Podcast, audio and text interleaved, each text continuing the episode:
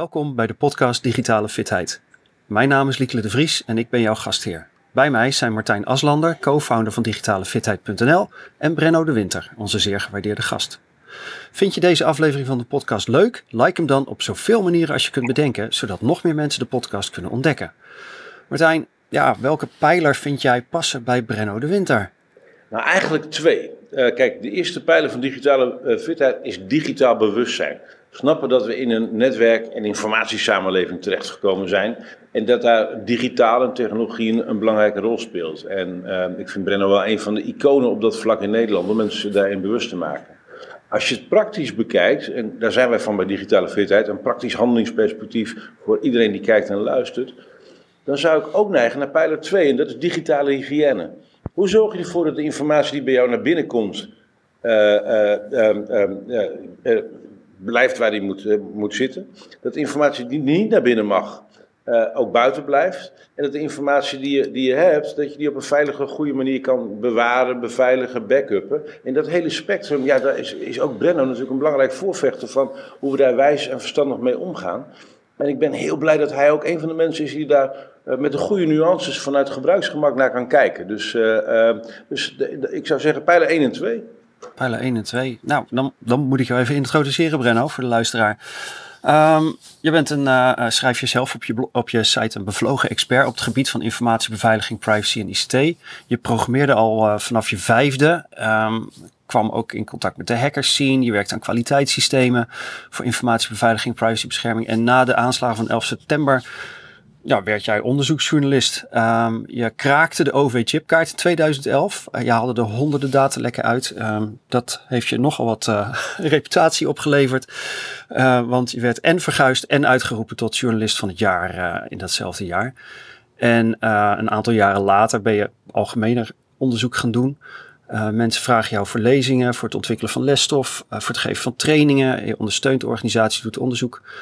Um, op je site staat dat je meer dan 2000 datalekken onderzocht hebt. Um, en je meest recente boek is de Survival Gids voor de digitale jungle. Ik denk dat heel veel mensen nu al meteen denken: oh mijn god, dit wordt een hele gevaarlijke, enge, angstaanjagende aflevering. Welkom, Brenno de Winter. Dankjewel, en dank voor de introductie.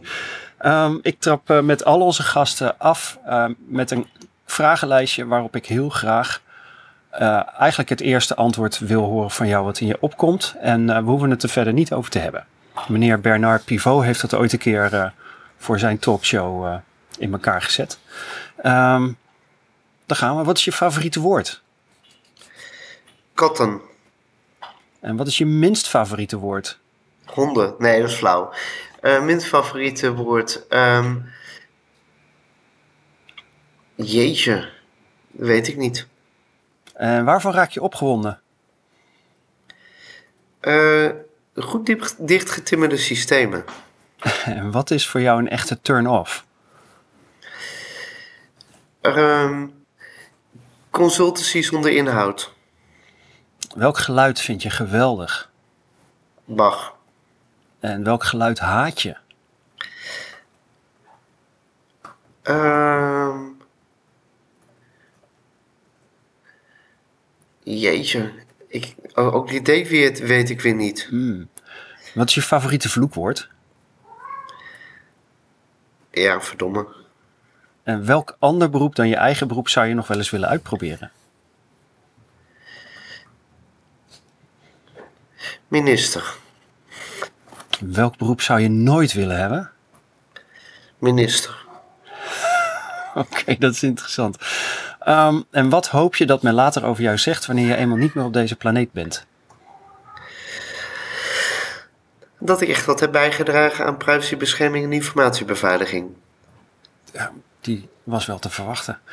Fijn, fijn dat je er bent, Brenno. Uh, uh, vind jij jezelf digitaal fit?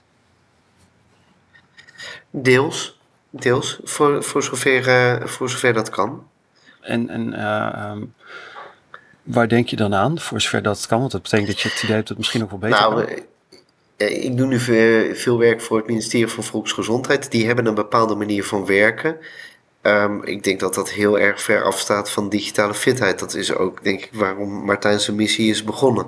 En niet, niet om dat ministerie, maar gewoon in het algemeen. Dat in het bedrijfsleven op manieren wordt gewerkt die niet heel erg fit zijn. Daarnaast loop ik rond in een informatiebeveiligingsindustrie. Uh, die niets liever doet dan uh, elke keer dezelfde rapportjes met de hand nog een keer schrijven. En, en, en voor jezelf? Um, schrijf jij je rapporten ook te vaak weer opnieuw over? met de hand? Nou, het hangt van het thema af. Maar waar het is weg te automatiseren, uh, probeer je dat wel. Maar kijk, als je bijvoorbeeld een, een beveiligingsincident hebt gehad, ja, daar zullen de conclusies altijd heel erg anders zijn, omdat de situatie heel vaak verschilt. Ja. Kijk, maar voor een bepaald basisgedeelte is dat misschien wel hetzelfde. Um, maar ja, dat, dat kun je niet in, in heel standaard iets makkelijk vangen. Maar ik denk er tenminste wel over na. Ja, want uh, in dat perspectief, hoe is het gesteld met jouw informatieliquiditeit? Mijn informatie wat? Liquiditeit. Dat is, dat is een woord dat wij bedacht hebben bij digitale fitheid. Om je, je hebt, informatie is eigenlijk een vorm van kapitaal. Ik denk dat je ook in die KNVI-documentaire zat toch over alles is informatie? Ja. Ja, dus uh, in die derde documentaire die we gemaakt hebben over kenniswerk, hebben we bedacht, ja, informatie, je zou kunnen zeggen dat in de informatiesamenleving informatie een vorm van kapitaal is, informatiekapitaal. En toen kwam ik op het woord informatieliquiditeit. Dus de snelheid waarmee jij dus uh, toegang hebt tot je informatiekapitaal, waarmee je van waarde kan zijn voor een ander. Ik denk dat die relatief hoog is, als je het zo zegt. Ja. Um, en dat ik natuurlijk bezig ben aan het Open Cat project, wat helpt om andere mensen ook informatieliquiditeit te geven, maar dan op beveiligingsgebied. Ja. Ja. Ja, ja want de, de, bij, mensen hebben ongelooflijk veel uh, docs, pdf's, XLS, ppt en datasets op allerlei schijven hangen. En in de meeste gevallen kun je niet snel het blokje informatie vinden dat je op dat moment nodig hebt uh, in een setting, uh, in een ontmoeting, in een vergadering, bij een proces. En daar aandacht voor geven, dat is natuurlijk hartstikke leuk. Het valt een beetje bij ons onder de vierde pijler van digitale fitheid, persoonlijk kennismanagement.nl. Uh, dat je eigenlijk nadenkt over, goh, wat nou als ik mijn, mijn informatie uh, op een hele andere manier zou benaderen en hem uh, veel serieuzer zou nemen?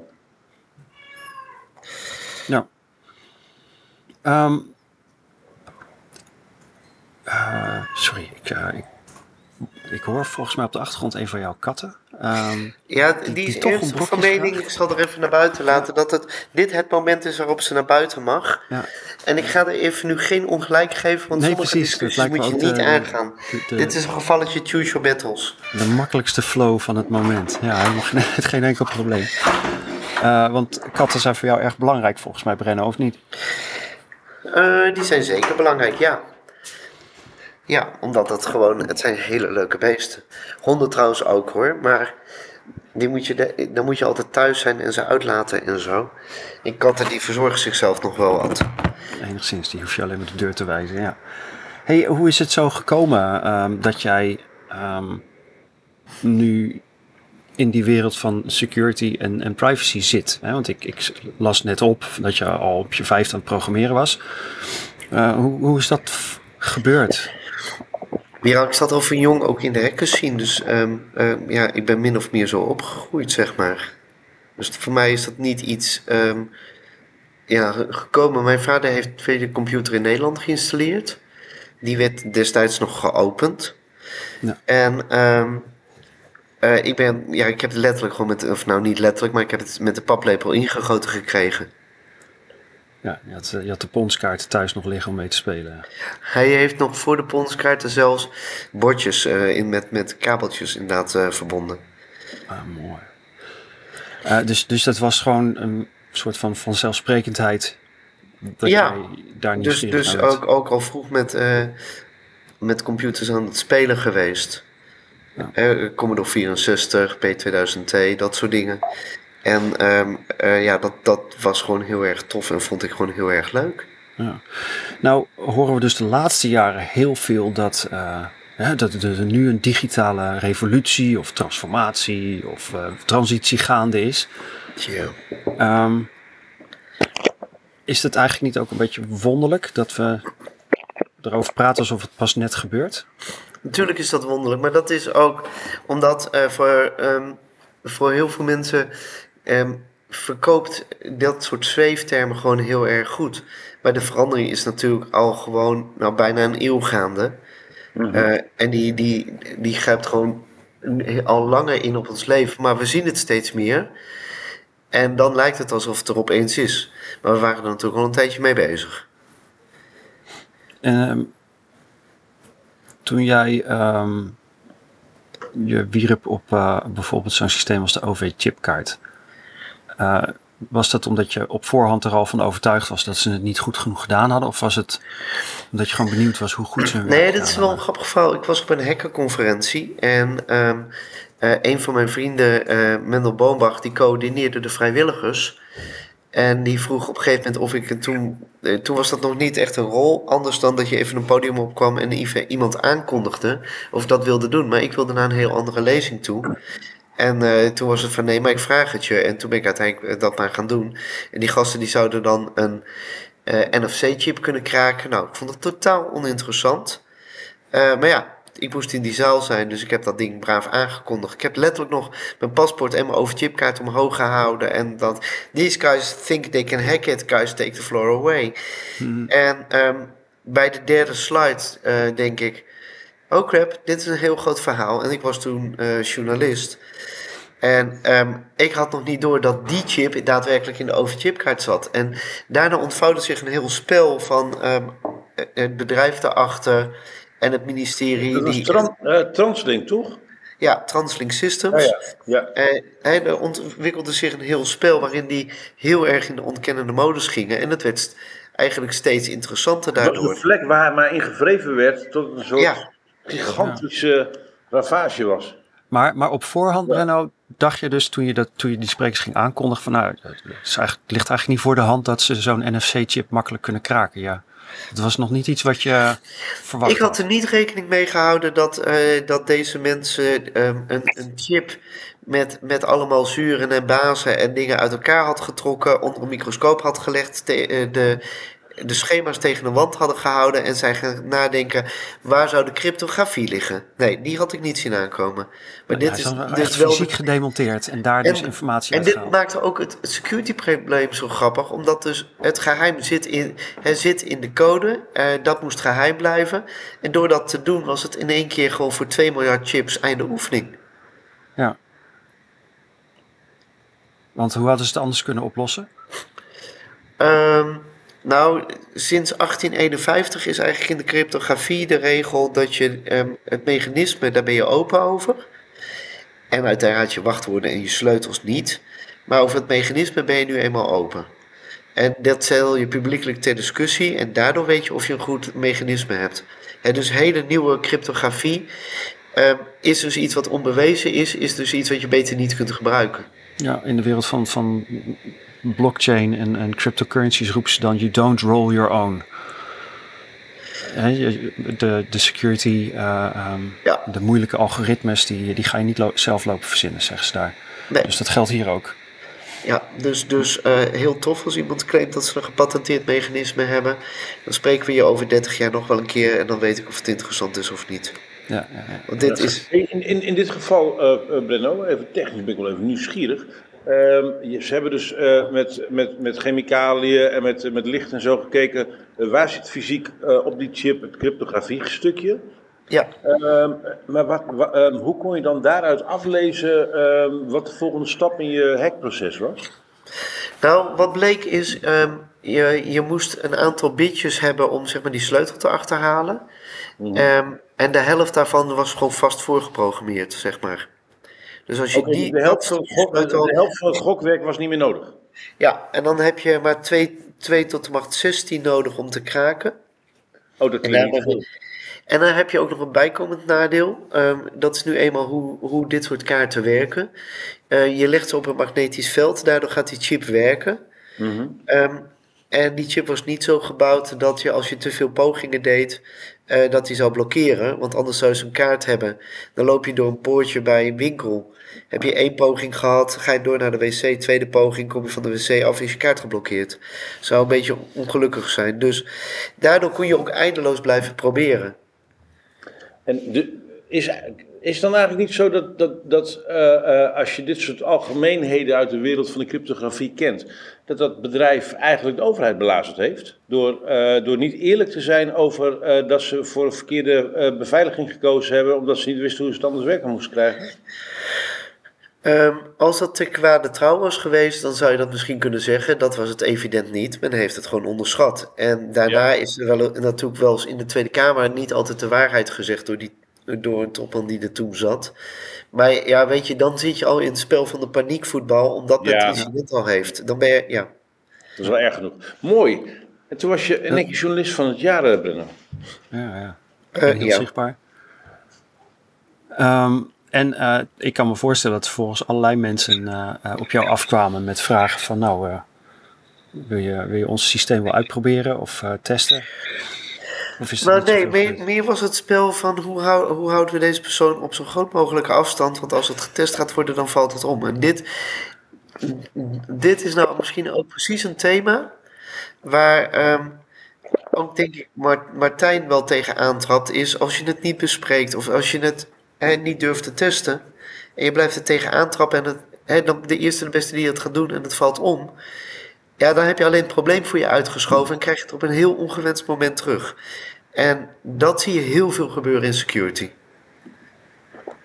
Ja. Ook wel in, in algemenere zin in Ont, organisatie ja, denken dat ze inderdaad intellectueel eigendom ergens op willen of de gewoon hopen een concurrentievoordeel te hebben. Ja, ik, ben, ik wens je veel succes in een, in een open wereld. Ja. Weet je, en anders, uh, en anders ga je lekker in China je recht houden, want dan wordt het daar wel gekraakt en misbruikt. Ja.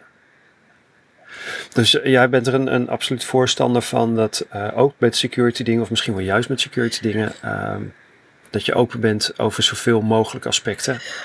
Uh, ja, weet je, je toen, de, we, toen we de coronatechnologie deden, toen kwam af en toe iemand en die had dan wat gevonden. Al dan niet was dat iets wat we wel of niet wisten, maar dat deed er eigenlijk niet zoveel toe. Wees er gewoon blij mee. Weet je, iemand heeft de moeite genomen om naar je spullenboel te kijken en te zeggen: dit is hoe het beter kan. Ja, dan kun je toch alleen maar dankbaar voor zijn. Want dan heb je het over de. Uh, de... Coronamelden, coronacheck, maar ook, we hebben ook ja. nog naar andere systemen gebouwd. Ja, en af, weet je, er wordt door mensen aan gewerkt, dus er worden fouten gemaakt.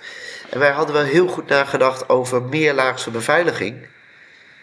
En dus eh, als iets misgaat, hoeft dat niet een probleem te zijn. Maar dat betekent niet dat je die initiële fout niet gaat oplossen. Nee. Nee, sterker nog, als je die eruit kunt krijgen, dan uh, lijkt me dat alleen maar aantrekkelijk. Um, hey, even, even, even terug naar, naar jouw dagelijkse praktijk, Brenno. Um, welk apparaat gebruik jij het meest? Uh, dat gaat een wedstrijd worden tussen mijn telefoon en mijn laptop, denk ik. En, uh, ja, je, ik denk wil je vertellen wat voor een telefoon en laptop dat zijn? Ik heb een, een Android-telefoon. En ik heb een, een, Lenovo ThinkPad met daar, nu gaan jullie vast lachen, Arch Linux daarop. Arch Linux. Ik, ik heb te weinig verstand van die wereld om te weten of ik daarom moet lachen of niet. Nou, ik ben benieuwd wat voor een OS er dan op je Android-telefoon zit. Dus ja, dan moet je veel zelf doen. Dus dat is, uh, vind ik tof. Ja, ja dat geeft Eigenlijk vind ik het wel meevallen trouwens, dat wat je zelf ja. moet doen. Maar um, heel veel mensen vinden dat uh, poepoe heftig. Ja, ja. ja nou goed, het geeft waarschijnlijk ook net weer even dat beetje extra overzicht van wat ja. er wel en niet gebeurt in je apparaat. Ja. Hey, en je, je Android-telefoon, is dat gewoon uh, standaard uh, Android zoals die uh, door de leverancier meegegeven wordt? Dat hoop ik wel, ja. Ja, oké. Okay, dus je hebt dat niet degoogeld of nog op een andere manier zelf geïnstalleerd? Nee, ik heb wel trouwens een tweede telefoon met Sailfish OS. Dat is een, een, een, een ander besturingssysteem. Um, dat is zeg maar ernstig degoogeld. Maar het heeft geen zin om dat op weet je, reguliere devices te gaan doen. Dan moet je het gewoon in zijn geheel niet gebruiken. Ja. Dat betekent niet dat ik het maar een, Google vindt dat alles maar goed is of zo. Dat, is natuurlijk, dat zijn ook twee dingen. De realiteit is, je hebt gewoon een aantal functies die we gewoon heel normaal zijn gevonden. En die zitten nu eenmaal of op Apple of op Google. Ja. Dus als je jezelf die ontzegt, dan uh, is het leven gewoon heel Ik vind dat, dat dat een probleem is dat je daar, dat je daar niet meer kunt oplossen. En uh, dat, dan moet je zo'n massa creëren, dat wordt best ingewikkeld. Um, ik denk dat het eenvoudiger is om de route gewoon via Europa te lopen en dat het gewoon in, regu in regulering te gaan doen. Dat is de plek waar dat moet gebeuren. En dit is waar je overheden voor hebt. En, en vind je dat Europa dat goed doet? Ik denk dat wij wel, um, dat wij wel de, de route aan het aangeven zijn. Hè? Ik denk, een paar jaar geleden werd de AVG ingevoerd. Um, dat was de meest belobbede wetgeving in de historie van de mensheid. Um, en uh, uiteindelijk is hij er toch gekomen. Met misschien een paar dingen waarvan je denkt van ja, zonder lobby was dat wat anders gegaan. Maar nu zie je daar uh, uh, de, de Cyber Resilience Act komen. En dan kunnen we gewoon leveranciers van software aansprakelijk stellen als ze slechte software leveren. Hè, hè, het heeft dan 100 jaar geduurd, maar nu kunnen we er ook wat mee. Ja. Dus uh, ja, ik vind dat Europa best wel de, de route aan het neerleggen is. En wij zijn natuurlijk als blok interessant genoeg voor bijvoorbeeld Amerikaanse bedrijven om toch aan die wetten te gaan voldoen. Ja, um, uh, maar als Europa zegt dit is de wet, dan, dan zijn er toch allerlei aspecten die dan niet direct één op één overgenomen worden door de lidstaten. Nou, daar heb je twee smaken van. Je hebt, ja. uh, je hebt een uh, regulering en een verordening. En bij uh, een regulering moet het in de wet worden over, overgenomen. Dat moet een land wel gaan doen. Maar als ze dat niet doen, moet, worden ze erop aangesproken. Maar verordeningen, en daar, die deelt Europa iets vaker uit, hebben rechtstreekse werking. Dus of je nou wel of niet in jouw wet opneemt, het is een verordening, je moet het uh, doen. He, zoals toen voor die QR-code voor uh, wat wij dan in Nederland corona-check noemden. Dat was een verordening, dat gaat dan ook gewoon in. En je ziet dat Europa daar echt wel een, een lead in neemt. Wat, je zorg, wat ik zorgwekkender vind, is dat we dat in Nederland ook niet zelf doen.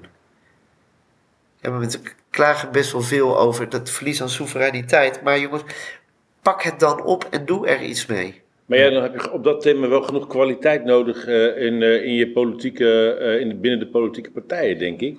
Hoe is daarmee gesteld op dit moment? Ja, dat is als je op een ministerie werkt even een vraag waarvan ik denk van, oh, ik hoor, jou, nee, ik hoor ja, jouw ja. mening en ja. ik ga je daar niet op tegenspreken. Ja, oké. Okay. Uh, dan hebben we dat ook maar weer klaar. Ik, uh, ik, ik heb wel een thema wat, me, wat ik me echt wel een hele tijd afvraag... en waar ik met mensen zoals jou het liefst op heel veel podia over spreek. Mijn stelling is dat de, de enorm heftige focus van grote organisaties op beveiliging... vooral leidt tot onveilige situaties. Um, um, systemen binnen organisaties zijn zo dichtgetimmerd dat het een beetje voelt alsof je twaalf uh, hangsloten op een uh, fiets hebt gedaan, waardoor niemand meer uh, op die fiets gaat. En eromheen gaat werken. Ik ben dat is geen beveiliging, hè? Nee. Oké. Okay. Okay. Nee, dat is geen beveiliging. Dat is onder het mom van beveiliging een systeem ontoegankelijk maken. Nou ja, ik heb het gevoel dat, dat een, dat, een, deel van de mensen die de grote organisaties uitvluchten, men noemt ze ZZP'ers, ik vind dat eigenlijk hiërarchische vluchtelingen zijn, uh, dat die zo gestoord worden van, niet, uh, van de frictie die al die systemen, die beva zogenaamde beveiliging veroorzaken, dat ze gewoon hun werk niet meer kunnen doen. En dan, dan hoor je weer dat bij het UWV dat, dat copy-paste tussen Citrix en een gewone uh, situatie dichtgezet is. Om maar te voorkomen dat mensen informatie kopiëren binnen systemen, wat een deel van je werk is volgens mij. Dat mensen massaal foto's gaan maken van tekst en op een privélaptop via OCR die tekst weer extraheren. Ik denk, ja, dit is zeg maar de, de, de, het paard over de wagen tilt. Uh, ja. Paard achter de wagen, ja. Ja, maar... Wat is ehm, jouw definitie van veiligheid, uh, Brenno? Ja, uh, dus een soort van formule, um, een balans tussen het een en het ander? Kijk, het veiligheid is denk ik in de kern het proces dat je um, risico's ziet, benoemt en daarmee leert omgaan en ze weet terug te brengen tot een niveau dat acceptabel is. En bij zou, je dus kunnen, zou je dus kunnen zeggen dat, dat, dat, uh, dat de reflex is um, geen risico's willen accepteren, uh, in plaats van daar op een nuchtere manier naar kijken, zodat het werkbaar blijft? Ja, ik denk dat dat een hele terechte manier van zeggen is. Maar ho, even, het is niet alleen niet willen accepteren. Het is, je denkt dat je iets uitsluit zonder dat je naar het, naar het kerndoel kijkt. En wat heel vaak gebeurt is dat mensen ehm, op een gegeven moment gaandeweg het proces vergeten waarom hun organisatie of zij ook alweer op aarde waren. Ja. En daar ook niet meer mee bezig zijn. En dan krijg je dus dat soort draken als inderdaad eh, Citrix en, en eh, desktops die inderdaad achter ja, verborgen zijn, maar niet eindeloos lang duren voordat ze opstarten. Eh, dat je echt gewoon acht minuten onderweg bent voordat je mail een keer, het een keer doet. Ja. Ja, en hoe dan lossen gaan we dit op, Brenno? Hoe gaan we, hoe gaan we, want dit is echt heel fundamenteel. En dan hebben organisaties Office 365 geïmplementeerd en dan de helft van de opties uitgezet. Dus dat wat het eh, onderscheidend maakt ten opzichte van Office, eh, ja, dat werkt niet, want ja, dat, dat mag je niet. We hebben voice dictation uitgezet, zodat je in ieder geval niet met eh, spraakcommando's tekst kunt creëren. Dat je denkt, why? En altijd als argument beveiligen, daarom komen we ook bij jou uit. Het argument is altijd beveiliging. Ehm, nou, dat, de- de- ik denk dat je dat, dat argument moet pareren met de vraag welke risico's er nou aan het bestrijden zijn. Wat, wat levert het nou daadwerkelijk op? Ja. En gewoon dat gesprek ook aangaan. En het tweede is, misschien moeten we ook op, sommige risico's eh, veel compromislozer worden. Wat is het voor een onzin dat we het oké vinden dat eh, software continu faalt? Bijvoorbeeld. Ja. Ehm, we vinden het bij de 737 MAX niet oké. Waarom zou het dan wel oké zijn als, het, als we het voor andere doelen gebruiken? En dan wordt gezegd van ja, het is, hey, je gaat, ik ben geen raket naar de maan aan het schrijven. Ja, waarom niet? Ja. Waarom behandel je iets waar mensen elke dag mee werken niet als een stukje eh, technologie wat gewoon deugdelijk in elkaar moet zitten? En Ja, dat betekent de, dus de, ook de dat... keerzijde van, daarvan is inderdaad dat je, eh, als je code bijvoorbeeld zo is, dat je, dat je app, je applicatie zomaar crasht, is dat je dus allerlei tijd aan het verspillen bent van, van de gebruiker. Ja, maar nu ben je ook tijd aan het verspillen met dingen die het eigenlijk niet zo goed doen, waardoor de frictie te hoog is. Ja, nee, maar dat, dat, dat heeft Brenner natuurlijk eerder Ja. al benoemd. Het is Nee, maar- die afweging. Nee, maar precies, die, die, die tijd eens op en kijk dan wat het, was, wat het was geweest als je gewoon wel de dingen deugdelijk had gedaan vanaf het begin. Weet je, een van de dingen waar ik bij coronamelden echt apen trots op was, was dat vriend en vijand toch wel vond dat het aan alle kanten heel goed in elkaar zat. Omdat we gewoon heel veel aan quality assurance hadden gedaan. En daarna gooi je pas wat op de markt. En dat zal nog steeds niet perfect zijn, maar we hebben wel gestreefd naar het hoogst haalbare. En wat nu vaak gebeurt is, ik ik schrijf een stuk code en het gebeurt werkelijk ehm, af en toe dat het gewoon niet getest is. Gewoon in het geheel niet. Want als je dat had getest, dan hadden we dingen gezien. En daar gaan we dus een hele markt mee opzadelen. En dan is risico. Ik vind, eh, als je nou zei in het begin, wat vind ik nou vieze woorden? Risico's accepteren, dat is misschien een hartstikke vies woord. Doe dat nou eens niet. Nee, in ieder geval niet zonder dat je er goed over En ik mag-. Ja. En ehm, ik ben het dus gaan uitzoeken. En mensen die dat dus nu nieuw binnenkomen bij het ministerie en zeggen: ja, maar dat is een risico wat ik accepteer. Dan is het nee, want jij mag niet accepteren, want je bent de minister niet. Dus dan moet het de lijn in. Dus ik laat ze nu een hele lange nota schrijven. Waarin ze uitlopen. En dan mag de CIO een keuze maken. Dat is het proces. Dus weet je zeker dat je een risico wil accepteren? Of gaan we gewoon die drie regels codes een keer goed schrijven? Ja.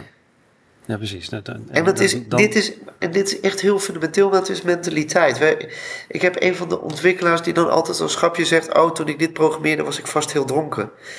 En ehm, die fixt gewoon zijn shit. Mhm. Maar het had gewoon niet zo moeten zijn. In eerste plaats. Of, Nou, of- wij zijn super gemakzuchtig op het punt waar je het juist... weet je, weg, dingen wegautomatiseren is super tof. Maar het proces om dat te gaan doen maken we, maken we dus super... eh, daar willen we niet goed over nadenken. En, en Martijn heeft een heel groot punt gemaakt van, eh, van e-mail. Ehm, dat mag van hem op de brandstapel. Ja, dat is een Ehm. jaren 90 oplossing, toch?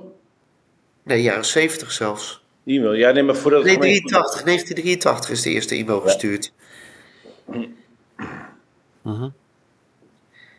Maar dat mag op de brandstapel zijn, Martijn. En dat, wat vind jij Ja, daarvan? dat, vind, dat, dat, is, dat is eigenlijk wel de juiste manier van kijken. Van, levert dit nou voor dit doel het juiste op? En doe eens niet. Weet je, hoe vaak hebben we niet op podia gestaan? Kopiet je paspoort in je mail stoppen. Ik zou het niet doen. Ja. En dan kijkt iedereen je glazig aan en die knikken allemaal ja, hij heeft gelijk. En wat gaan ze daarna doen als ze op vakantie willen? Bam, kopiet je paspoort in je mail. Hoppakee, daar gaan we weer. Ja. En dan zijn we verbaasd dat er vroeg of laat een keer zo'n mailbox wordt gehackt. En dat je hele persoonlijke archief wordt gestolen. Ja, hè, dus dan, dan komen we bijvoorbeeld op die digia- digitale hygiëne. Uh, Mhm. Dat je, je moet je rommel niet zomaar lo- rond laten slingeren. Uh, en nee, maar in je huis moet, je moet is gewoon dat voor mensen al moeilijk wat je met genoeg. data doet. Ik ben dus bezig met dat Open Cat project eh, Mhm. voor security. En eigenlijk het enige wat wij doen is informatie in de security context goed organiseren. Dat is alles. Ja, De wat me- juiste plek, met de juiste relaties, met elkaar in verband gebracht, zodat je iedere vraag eraan kunt stellen en je altijd wat kunt vinden. Nou, wat we keer op keer merken, Brenno, is dat ehm, eh, we horen veel over digitale geletterdheid. Hè. Er zijn ook wel beleidsvragen over en zo, of eh, kamervragen. Ehm, maar wat, wat me opvalt is dat, dat je hebt niks aan digitale geletterdheid zonder informatiegeletterdheid. Dus, dus wat je ziet is dat de, het discours over informatie gaat over fake news, hè, mediawijsheid, want dat is lekker populair en clickbait. Maar het fundamentele gesprek over hoe leer je omgaan met informatie wordt niet gevoerd. En terwijl we, de hoeveelheid informatie is ontploft bij iedereen, privé en professioneel. Eh, dus we leren überhaupt niet hoe, eh, ja, hoe we om moeten gaan met informatie. Jullie ontwerpen daar systemen in. Waar leren mensen? Wat moeten we doen om mensen te leren hoe informatie werkt? Want daar weten we volgens mij bar weinig van. Ja, in, de, je vraag zit het antwoord. Als mensen aan het leren zijn, dus, dus ehm, op school moet dat al beginnen. Het hele curriculum moet je daarop gaan aanpassen. En gewoon het zit denken er in niet in. Het is heel raar. De grondstof voor leren, informatie, wordt Nou ja. als, als los element niet meegenomen. En, en de meeste juffen Ik weten geef, ook mijn, niet. ik geef mijn security team geef ik tegenwoordig training in eh, verhoortechnieken. Niet zozeer dat ze, eh, ze sterker nog, ik ben er heel wars van als ze politie zouden spelen. Maar wat hebben rechercheurs ongelooflijk goed geleerd? Zijn feiten scheiden van meningen, adviezen en opinies. Mhm. En ik wil dat alle rapportages die wij opleveren van een kwaliteit zijn dat er niet meer over gediscussieerd kan worden. Dit is het setje aan feiten. Dus ehm, ik ben er maar mee begonnen om mensen dat te leren. Dan kun je zeggen, moet je dat doen? Nou ja, dat moet je dus doen, omdat het ze niet geleerd is. En het grappige is dat degenen die de cursus nu hebben gehad en degenen die het niet hebben gehad, degenen die hem hebben gehad, worden steeds feitelijker. Daarmee ook harder en bereiken meer omdat je gewoon de discussie heel feitelijk voert.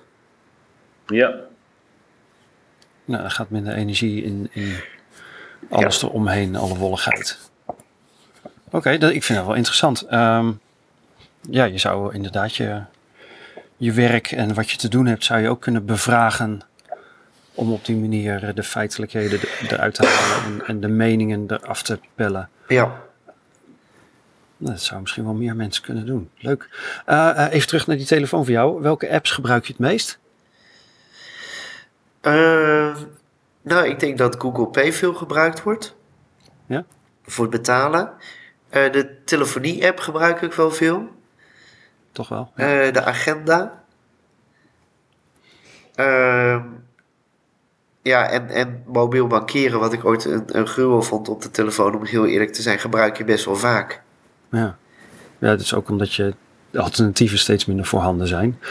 Volgens mij, je kunt niet meer zo makkelijk een bank inlopen. Ehm, welke app heb je het afgelopen jaar voor het eerst gebruikt op je telefoon en zou je niet meer willen missen? Oh ja, dat is, dat, ik vind bij mobiel parkeren, dat vind ik echt. ehm, weet je, dan ben je ergens en dan eh, hoef je niet meer naar een automaat, maar je, je krijgt ook gelijk de goede informatie wat, ehm, wat het gewoon per uur kost en dat soort dingen. De mobiel parkeren apps. Ja. ja was van de week nog in aan Den Haag, toen wilde ik een parkeergarage in. Ik keek even, ik denk, "Eh, voor een uur parkeren 24 euro. Weet je wat? Ik rij wel even elders. Heel goed. Mooi. Ehm, heb jij eh, eh, zo elke dag ook eh, vaste routines die je hebt voor nou, ja, het werk wat je te doen hebt, de informatie die je verwerkt op een dag? Ehm, los van natuurlijk gewoon bepaalde meetings die je dagelijks of bijna dagelijks hebt. eh, nee, het is niet zo dat ik heel erg. ehm, dat komt ook omdat eh, er zit in informatiebeveiliging natuurlijk iets heel asymmetrisch en iets ad hocs. Dus als je een incident hebt, dan is, dan is de dag heel anders. Ehm, en er is altijd, eh, er is altijd op een ministerie wel drama.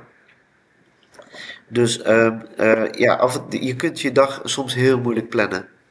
Ja. Dat, dat is, Maar ik, ik stel me wel voor dat je dan dus met alles wat je op zo'n dag beleeft, dat er zaken zijn die je wilt vastleggen, ehm, ehm, die je misschien voor jezelf ook Ja. bijhoudt. Hoe, eh, hoe doe je dat? Nou, nu doe ik dat nog veel met LibreOffice. Mhm.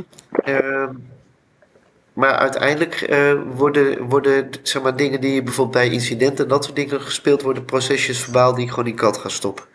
Want dan is het meteen aan de juiste objecten gelinkt. Even, ik, ik ken kat niet. Ik hoor je het een aantal keren noemen. Eh, eh, hoe leg je dat in je, je en Janneke taal uit aan een zaal met mensen? Dan zou ik eigenlijk zeggen, CAD is een grote compliance machine. Wij, wij verzamelen en sorteren data heel erg goed, waardoor je systemen echt kunt linken aan alles wat er omheen gebeurt. Dus wij hebben Het een, is een soort obsidian eh, voor organisaties in plaats van voor het, is, individuen. het is een goed uitgedacht datamodel met daar een heel ecosysteem omheen. Om ook zeg maar, die, de relevante data bij elkaar te harken. Maar in de kern is het gewoon, we hebben heel goed nagedacht over hoe hoort data in elkaar te steken. Mhm. En dan is het, dit is security gerelateerd en privacy gerelateerd. Maar dat kun je natuurlijk eigenlijk voor een heleboel andere dingen ook doen. Hey, Vind ik, boekhouding is bijvoorbeeld ook zo'n mooi voorbeeld waar het ons prima is gelukt dat heel goed te automatiseren. Ik zou, Ja. dat zou hier dus ook moeten kunnen. het, nou, het kan gewoon als je een keer gaat zitten en de tijd neemt om dit goed te doen. En dat is een eenmalige investering en daarna hoef je het niet meer te doen. Maar dat zou automatisering ook moeten zijn. En niet met ik ga door op de manier, ik heb een kaartenbak. Mhm. En die kaartenbak ga ik nu digitaliseren en nou heb ik automatisering gedaan. Nee, echt niet. Nu heb je een kaartenbak gedigitaliseerd. Dan, eh, als luisteraars eh denk ik, hier moet ik echt meer van weten. Dit klinkt interessant. Op welke plek beginnen ze dan? Eh opencat.nl. Want het is open source. Met een CAD. Nee, met een K. Echt van het beestje. Kat, open kat. Ja, oké. En dan, dan horen ze de kat die net zo mouwde, eh, die kijkt hun dan recht in het gezicht aan. Kijk. Oké. Ehm, nou heb ik eh, eh, in, in andere gesprekken en in andere eh, eh, nieuwsberichten links en rechts ook van alles gelezen over eh, organisaties die met big data gaan werken en data lakes en eh, Ronald Damhoff die op een gegeven moment zegt we hebben een eh, grote data schuld. Eh, want we zijn ondertussen al, nou nog misschien met computers nog niet 100 jaar, maar we zijn echt al heel lang bezig met informatie verzamelen. Dat noemen we dan data. En dat is heel vaak niet goed gestructureerd. Ehm, is eh OpenCat een stuk gereedschap waarmee je dat ook voor data die niet met privacy en security te maken heeft, eh, zou kunnen adresseren? Als je wil nadenken over de structuur wel, maar kijk, als mensen beginnen al met zo'n term als data lake en dat wordt niet verder ingekleurd, ja, dan is het een zweefterm. Weet je, wat is nou een data lake? Ik bedoel, je stopt toch geen data in water, dus ehm, eh, hou eens op met die termen. Ehm, kennelijk bedoelen ze dus een hele grote collectie van gegevens. En al, omdat ik dan er niet over na wil denken hoe dat zit, dan gooi ik het maar in een, in een lake, zodat ik, ja, dan zie ik later wel weer hoe ik het eruit ga vissen. Dan komt er wel automatisch. eh, Ja, weet je, dus, dus dit is al echt zo- zo'n term als een data lake is voor mij meteen al een hele rode vlag dat mensen bezig zijn en eh, dat, dat al niet heel erg eh, hebben doordacht. En ehm, wij gaan ook dat, dat, die hele trend zijn wij ook aan het ondersteunen. Hè. Er zijn dus gewoon oplossingen om vooral ongestructureerde, sorry, ongestructureerde data zo te laten. En dan gaan we gewoon kijken of we te laten nog uit wat, wat uit kunnen gaan trekken. En met big data ook. En dan hopen we dat we dan de juiste associatie met, met elkaar maken. En dat het kloppende dingen zijn. Maar als het niet zo is, ach, een beetje pech voor degene die dat dan betreft. Hou daar gewoon eens mee op en ga eens eens nadenken wat je wil doen en wat je eruit wil halen. En, en sorteer je data goed. En als je dat hebt gedaan, dan kun je bijna elke vraag wel stellen. Ik, ik moet nu niet onwillekeurig denk ik toch denken aan eh, alles wat we de laatste weken lezen over ChatGPT. En eh, ehm, die Bing variant die zo lelijk de mist in lijkt te gaan. Zijn, is, is dat ook, ehm, en misschien zit ik buiten jouw uh, kennisgebied hoor, maar uh, zijn dat niet ook voorbeelden van data waar te weinig structuur in zit die daar aangevoerd zijn, waardoor ChatGPT ook er niet zoveel nuttigs mee kan in sommige situaties? Nou ja, die vind ik ingewikkeld. Want ik heb nog niet hmm. goed genoeg naar ChatGPT kunnen kijken. Uh, want het kan best zijn dat ze op bepaalde, uh, op bepaalde data juist heel erg goed het systeem hebben gevoerd. Um, weet je, je hebt van die, van die um, uh, engines waar je bijvoorbeeld tekeningen of foto's mee kunt laten maken. Hmm. Die werken griezelig goed. Ik heb vier overeenkomsten gevonden. hallo Siri, je mag je even buiten Ja, precies, een soort hallo Siri, ja. ja die, die, er zijn systemen die werken al akelig goed, dus daar is de training heel goed gelukt. Autonoom. Ja, dus, dus ik, ik denk niet dat dat in dezelfde categorie is. Wat wel weer met AI, eh, vind ik een heel groot probleem, is dat we dan uh, hebben gezegd we weten niet meer hoe we tot de conclusie komen, omdat we dat dus niet hebben, goed hebben bijgehouden. Nou, ja. bij Kat zagen we die dus ook van verre aankomen. Dus wat wij hebben gedaan, is iedere stap gewoon forensisch borgen. En daarmee bewijs ik gewoon dat het wel degelijk mogelijk is om iedere stap te volgen. Alleen, het zou een flink stukje administratie opleveren. Nou, vanuit security wil je die administratie ook, want je wilt kunnen bewijzen en waarom je een alert hebt. Ja. En ik vind dat we met AI veel te makkelijk meegaan met uh, de marketeers die zeggen van ja, nee, dat kan niet. En dus we kunnen echt van alles doen met die technologie, behalve fatsoenlijke administratie bijhouden. Heel raar verhaal. Ja, ja, heel, ja onwaarschijnlijk ook inderdaad. Ja. Hey, um, um, dus je hebt, je hebt niet zo heel veel dagelijkse routines. Heb je wel een, een archief voor jezelf bijvoorbeeld, waar je dingen in bijhoudt? Uh, ja, en, en hoe geef je dat vorm? Uh, ik sorteer uh, heel erg op, op zaken. Dus zaken als in als gebeurtenissen? In, nou ja, gewoon... De zaken over je chipkaart? Of, uh... dat, ja, daar zijn er dan wat meerdere van. ja, precies. Maar een beveiligingsincident is een zaak. Maar ook bijvoorbeeld een risico-inschatting kan een zaak zijn. Een systeem kan een zaak zijn. Ja. en, en en heb je daarvoor je eigen um, persoonlijke kopie van OpenCAD uh, draaien? Of, nee. Uh... nee, daar zijn we, daar is dat, uh, nee, ik doe dat echt heel ouderwets in Directories. In Directories gewoon. Net zo makkelijk. Ja, die zijn er toch. Kun je goed nee, maar het werkt. Ja. Um, ja, je, je, zei net zelf al van, nou, je bent redelijk digitaal fit. Je zit ook typisch in een tak van sport waar je continu wordt uitgedaagd om fit te blijven. En uh, alert te zijn. Ehm, maar als je nu even terugkijkt op, op die ontwikkeling die je zelf doormaakte van, je, van toen je vijf was en aan het programmeren zo waar je nu bent, zijn er ook um, bijzondere uh, uh, groeispurts geweest? Jeetje. Inzichten bijvoorbeeld? Nou, ik vind dat ik de laatste jaren in een enorme groeispurt zit. Maar um, natuurlijk ook in het begin überhaupt. Um, ik vind dat het eigenlijk, dit, hele, ja, het klinkt zo, zo obligaat, maar ik vind, het is wel zo. Het hele leven is gewoon één grote leerspurt en groeispeurt. Mm En elke keer als je wat anders gaat doen, dan moet je een heleboel bijleren. En dat is best wel tof. En als dat niet gebeurt, of ik, dat, ben ik niet bij, dan ga ik iets anders leren. Ja. Weet je, dan ga je leren op, op een bootje varen en wat daar voor spelregels en dingen bij zijn. Of dan ga je uh, hoe een wet in elkaar steekt leren. Of eh, hoe is het om van journalist in één keer in het spectrum van de ambtenarij terecht te komen? Wat, wat, wat, was dat niet een, hoe lang heeft het geduurd voordat je daar gewend was, aan die, uh, aan die shock? Aan het, aan het ambtelijke ben ik nog steeds niet gewend. Aan het, um, ik vond de journalistiek um, een aantal dingen heel leuk, maar ik vond ook journalisten naar elkaar toe helemaal niet aardig. Dat hoor je met regelmaat. Uh, ja. ja. En um, ik vind hoe nu collega's naar je. En natuurlijk niet iedereen, maar de meeste collega's vind ik gewoon echt heel lief en aardig. Mm En proberen gewoon ook met elkaar tot iets te komen. Mm En het is wel heel fijn als, als niet de hele dag je, je collega's je vliegen eh, zitten af te vangen. Dus ik vind het eigenlijk wel, eh, dat, dat gedeelte vind ik wel echt heel mooi. Alleen, ehm, ja, het ambtelijke vind ik, blijf ik ingewikkeld vinden. En ook daar geldt voor je voor, dat kun je prima voor een heel gedeelte wegautomatiseren. Ja. En lijkt dat dan op wat je net zei over nou, bijvoorbeeld de, de administratie die hoort bij OpenCat, hè, bij het leggen van relaties en zorg dat je kunt bewijzen. Wat een, eh, is dat ook ambtenarij in jouw. is- Nee, maar dat, de- de- die is terecht. Omdat het zo is en omdat je wil kunnen bewijzen waarom je iets roept, hebben we dit dus gebouwd. En ehm, klopt het ook. En dat is ook een deel van dat wegautomatiseren. Overigens, hè, dat ambtelijke is niet alleen bij de overheid. Hè? Bij grote bedrijven is het Ja. niet minder.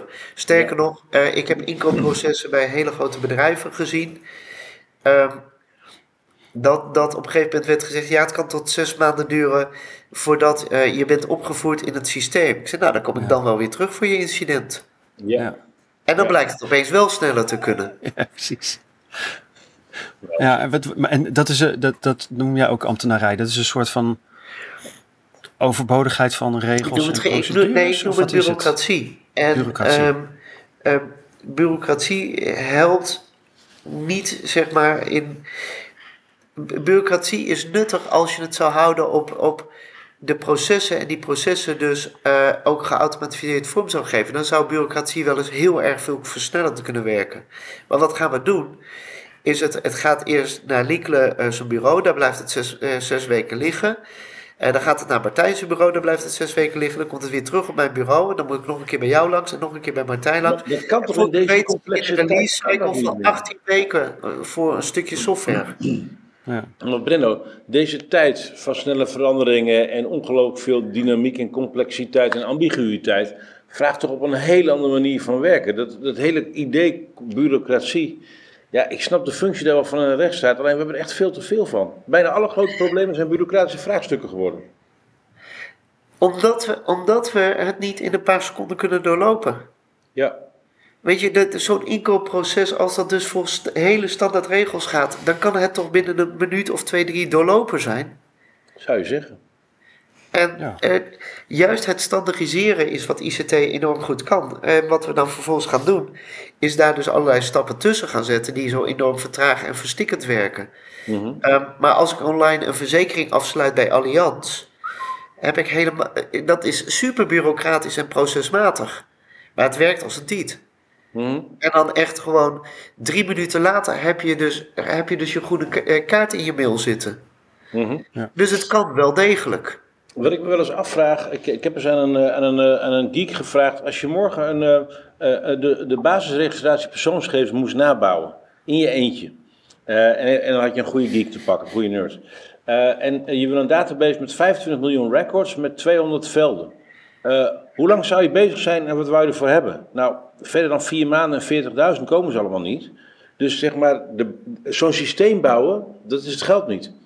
Het zit, de complexiteit zit hem vast aan, aan waar die allemaal mee moet praten en wat die systemen doen. Dus één grote spaghetti. Maar wat ik me wel eens afvraag, van, goh, je gaat naar- wat als je naar de kleinste gemeente van Nederland gaat? En je bouwt naast wat we nu hebben, bouw je gewoon verdadigheid voor duizend man iets ernaast. En dan kijk je gewoon een jaar lang of twee jaar lang, hmm, hoe werkt dit? En, dan, en als het werkt, dan pak je het op één na eh, kleinste gemeente van Nederland. Wat, mist er, eh, wat klopt er niet in die manier van denken om nieuwe dingen te proberen?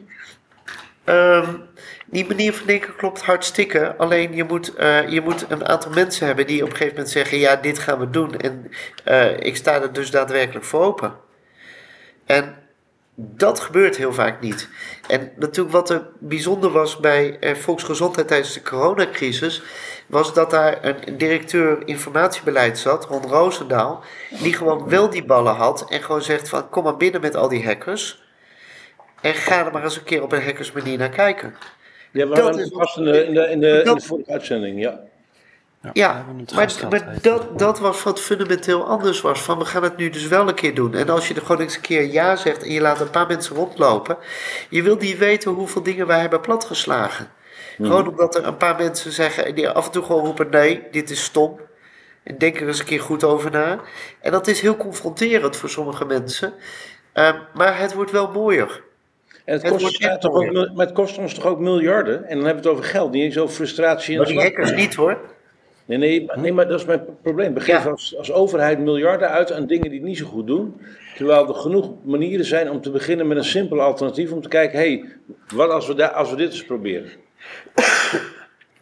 Ja, dat heb ik ook wel eens ge- gezegd. Want ik zou, ik zou willen dat ik 50 miljoen had. En dan gaan we gewoon dus de hele zorg opnieuw digitaliseren. Gewoon helemaal opnieuw beginnen. Ja, ja ik, misschien moeten we beginnen bij de dat- is dat belasting. de manier om te eh, doen? Want daar is wel veel te doen, begrijp ik. Ja. Mijn Ja, dag het- is het- het- prima gevuld. En Apeldoorn is best ver weg van Noordwijkerhout. Ja, dat is ook weer waar. Ja. Oh god. Maar het, eh, het- in zijn algemeenheid ehm, krijg je bij veel systemen ook de indruk dat, dat ze maar door blijven gaan. Want er is een richting ingeslagen, er zijn investeringen gedaan en dat gooien we allemaal niet zo graag weg. Terwijl met die corona-periode was er ook een soort van vrije ruimte, want er moest iets gedaan worden wat er niet was. En we hadden, en we hadden een snoeiharde deadline. Want als je niet op Ja. tijd klaar was, dan had je demonstrerende of misschien wel rellende mensen in de straten. Ja. Weet je, dat, dat, dat gaf ook wel een bepaalde natuurlijke druk, zullen we maar zeggen. Ehm, maar even dat over die weg ingeslagen. Hè? Dit, is, Mhm. dit is de kern van heel veel ICT-problemen. Ja. Weet je, een van mijn, mijn stellingen in beveiliging is: falen is tof. Ehm, en ik, be, ik benader risico's dus als failure mode effect met de failure mode effect analysis. Oftewel, hoe gaan dingen verkeerd? Want dat willen we uiteindelijk. Weet je, als het mis is gegaan, wil je weten wat zijn nou die factoren die daartoe hebben geleid en wat kan ik daarmee doen. Maar dat begint met het accepteren dat eh, falen gebeurt. En dat Mhm. betekent dus ook dat je soms op je schreden terugkeert en dat dat oké is. En we moeten ook van die toxische sfeer af dat als je een fout maakt in de ICT, dat dat heel erg is. Ja. Weet je, je lost het op, je zegt sorry en we gaan weer door met het leven. En hoe vaker je op die manier sorry gezegd hebt en dingen opgelost hebt, hoe, ja, Ja. hoe beter je eigenlijk bent geworden. En hoe beter jouw spullen ook geworden zijn als het goed is. Ja, en, en ook zeg maar ICT die wordt gedaan en we, dat alles en iedereen aan de kant drukt. En we mogen nooit een vraag stellen of nooit wat ervan zeggen. Eh, dat, is, dat is per definitie gewoon al een mislukt project. Je Ja. moet alleen nog een keer naar boven komen. Weet je, we hebben ooit denken wat je eerder in... Uber op deze manier een heel goed idee was. Eh, tot we erachter kwamen dat over de rechten van, van eh, eh, taxichauffeurs zo heen stappen. eh, Dat dat eigenlijk gewoon heel toxisch en gewoon gevaarlijk is. En echt Het slecht. doet me ook denken aan wat je eerder in het gesprek zei. Hè? Dat, eh, dat je, je vindt het onbegrijpelijk dat iemand eh, slordige code kan opleveren, omdat dat dan de tijd van de gebruiker eh verkwanselt. Moeten we als gebruikers van office software, van nou, noem, noem alles maar wat in grote organisaties gebruikt wordt, moeten we als gebruikers in opstand komen? Is dat een manier om, eh, om misschien toch wat, wat Nou, die opstand komt verandering er te nu met de? Cyber Resilience Act, waarbij je gewoon een leverancier aansprakelijk kunt stellen. En Ja. je, ziet het, je ziet nu al gebeuren hè, dat bijvoorbeeld een gemeente wordt gehackt en dan, eh, dan wordt de beheerspartij voor de rechter gesleept. Bedrijven hebben dit ook al gedaan. De rechter is heel duidelijk. Jij, bent, jij krijgt maandelijks geld om iets te doen. Daarbij hoort ook de omgeving veilig houden. Heb je niet gedaan, alsjeblieft de rekening van de hack. En ik denk dat dat soort mechanismes heel gezond zijn. Dat het allemaal niet meer zo vrijblijvend is en eh, dat je maar over de rechten van mensen heen kunt stappen. Ja. Want je gaat wel met persoonsgegevens van mensen om en daar, hoort wel, daar hoor je wel serieus bij stil te staan. Ja. En misschien moeten we het maar eens gaan zeggen, maar ICT, ICT'er zijn is gewoon een vak. Ga je ambacht doen. ja. Precies, dat zou toch wel mooi zijn. Ja. Dus we- eh, Marie-Louise van eh Bosje die heeft er vaak over gezegd. Luister, ook kunnen omgaan met je digitale werkgereedschap. Dat is een ambacht, dat is een vak, dat hoort erbij. Ehm, als je op een financiële afdeling werkt en je snapt niks van financiën, dan kom je er niet mee weg. Doe, werk je de hele dag achter een computer en begrijp je dat ding eigenlijk niet, dan kom je er prima mee weg. Hoe dan? Ja, dat is raar. Nou ja, dat heet marketing. Want dan gaan we al die rare termen gaan we roepen als, als eh, data lakes, informatierotondes en, en dat soort dingen. In plaats van dat we gewoon de beestjes bij het naampje noemen. Maar dat kunnen we niet, want we weten eigenlijk niet waar we het over hebben. Ja. Nou, da- en dat kan niet vaak genoeg gezegd worden. Nee. Als je geen handelingsperspectief hebt voor medewerkers met je verhaal, laat dat maar zitten. Ja. Hey, ehm eh, eh, Brenno, we, we naderen volgens mij een afronding. Ehm, met wie zouden Martijn en ik ook nog eens moeten praten voor deze podcast, wat jou betreft? Nee, ik denk dat iemand als Jan Kloppen wel iemand is waarmee je zou, eens zou kunnen praten. Oké, dan gaan we die op ons lijstje zetten. En wat moeten we hem vragen? Ehm, ik, hij doet heel veel crisis-ICT. Dus als het huis in de fik staat, dan, dan bel je Jan, zeg maar. Ehm, en dan zou ik gewoon zeggen, waarom staan veel huizen in de fik? Ja, ja precies. En dan, dan horen we wel wat dus de voor de hand liggende manieren zijn om dat in de toekomst te voorkomen. Mooi. Hey, eh, je bent best digitaal fit. Eh, ehm, heb je nog een soort van ding wat je in je leven graag voor elkaar wilt krijgen, wat je tot nu toe nog niet zo gelukt is? Binnen de context van digitale fitheid? Nou, ik zou best wel willen dat we straks in Nederland zo ook digitaal veilig zijn. Dat, ehm, eh, dat we daarin gewoon leidend worden. En daar zou, ik, daar zou ik echt wel een grote rol in willen spelen. Gewoon, jongens, het kan wel degelijk op een andere manier die wel veilig is, die wel de technologie enabled. Alleen dan eh, zonder alle bla, fla en bullshit eromheen. Een mooi streven.